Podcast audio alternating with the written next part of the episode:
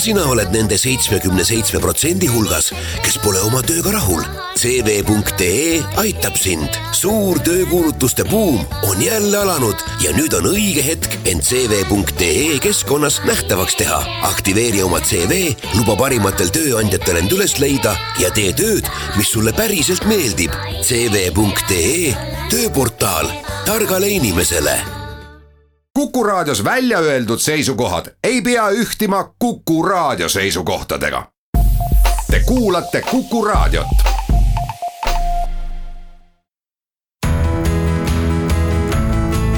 kuku Raadio nädala kommentaar. tere, mina olen Indrek Leppik ja mul on taas kord au tõmmata joon alla järjekordsele Kuku nädala kommentaari tsüklile, mis seekord lähtus mõistest intersektsionalism kel möödunud nädalatest mälu värskendamist vajab, siis tegu on feministlikus maailmakäsitluses kanda kinnitanud kontseptsiooniga, mille järgi on rõhumise vormid nagu rassism, seksism, homofoobia või mõni teine ism või foobia üksteisega seotud, üksteist taastootvad ja sestap ka eraldi mittekäsitletavad.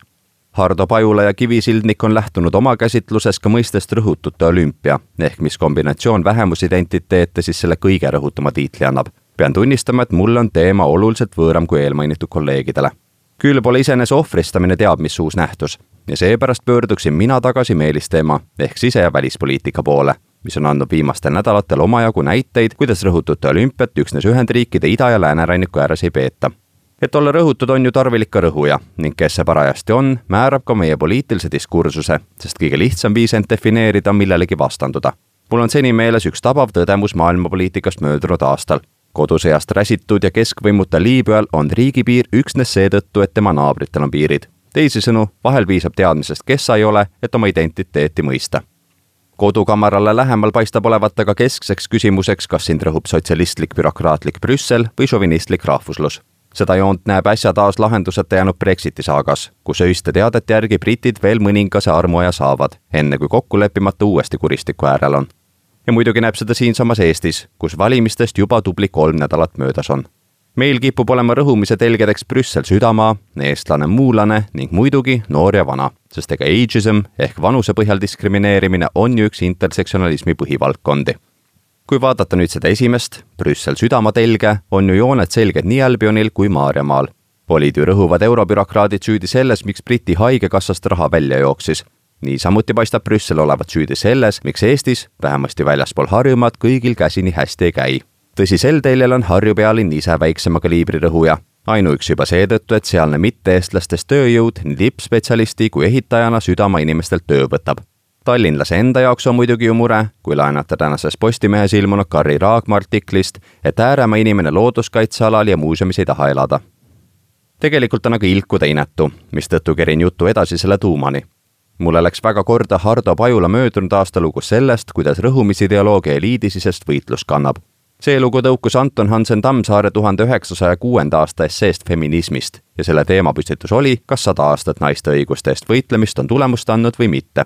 Tammsaare leidis juba toona, et kõvasid samme on tehtud, ehkki vahel jääb ju mulje, et patriarhaat siiani domineerib. milles oli aga asja tuum laiemalt? Kas see vaadeldav rõhumine saab siis otsa, kui töölisest tuhat korda suuremat palka teeniv tegevjuht on mehe asemel naine? kas rõhumine saab otsa siis, kui Tallinna asemel teeb otsuseid Antsla või kui tarkvara kirjutab Abdulli asemel taas Ants? Hardo kirjutas toona nii. on täiesti loogiline, et vaatepiiri ja olude kitsenemist ei tajuta kõigepealt mitte ühiskondliku püramiidi alumistel korrustel, vaid ikkagi selle tipus. kui klubisisene mõõduvõtmine väga ägedaks muutub, tekib osal koorekihist kiusatus püramiidi alumistest kihtidest endale uusi liitlasi otsima hakata verised sündmused, mis paistavad meile hiljem suurte sotsiaalsete kihtide surmaheitlusena, saavad enamikul juhtudel alguse just eliidi sisesest arvete klaarimisest, mis on tänavale valgunud ja seal koorekihi kontrolli alt väljunud. seega, kas ka praegune rapsimine kujutab endast rahva tahte kauaoodatud võidukäiku või on taaskord tegu asetatud mängijate omavahelise madinaga?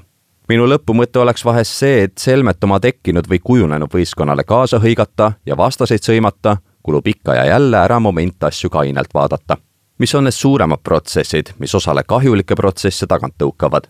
miks kiireneb ääremaastumine ja mida selle vastu teha? kust tuleb vananevas ühiskonnas tööjõud? kas piisab tõdemusest, et Brüssel on kõiges süüdi ja lööme piirid kinni või on siin taga enamat? elame ju avatud maailmas, kus sõltuvus üksteisest on vastastikune. ehk siis naiivne lootus, vähem süüdistamist ja rohkem arutlust. taas vabat Eestit on olnud juba üle kümne tuhande päeva, võtame veel paar, et asjade üle kainelt järele mõelda.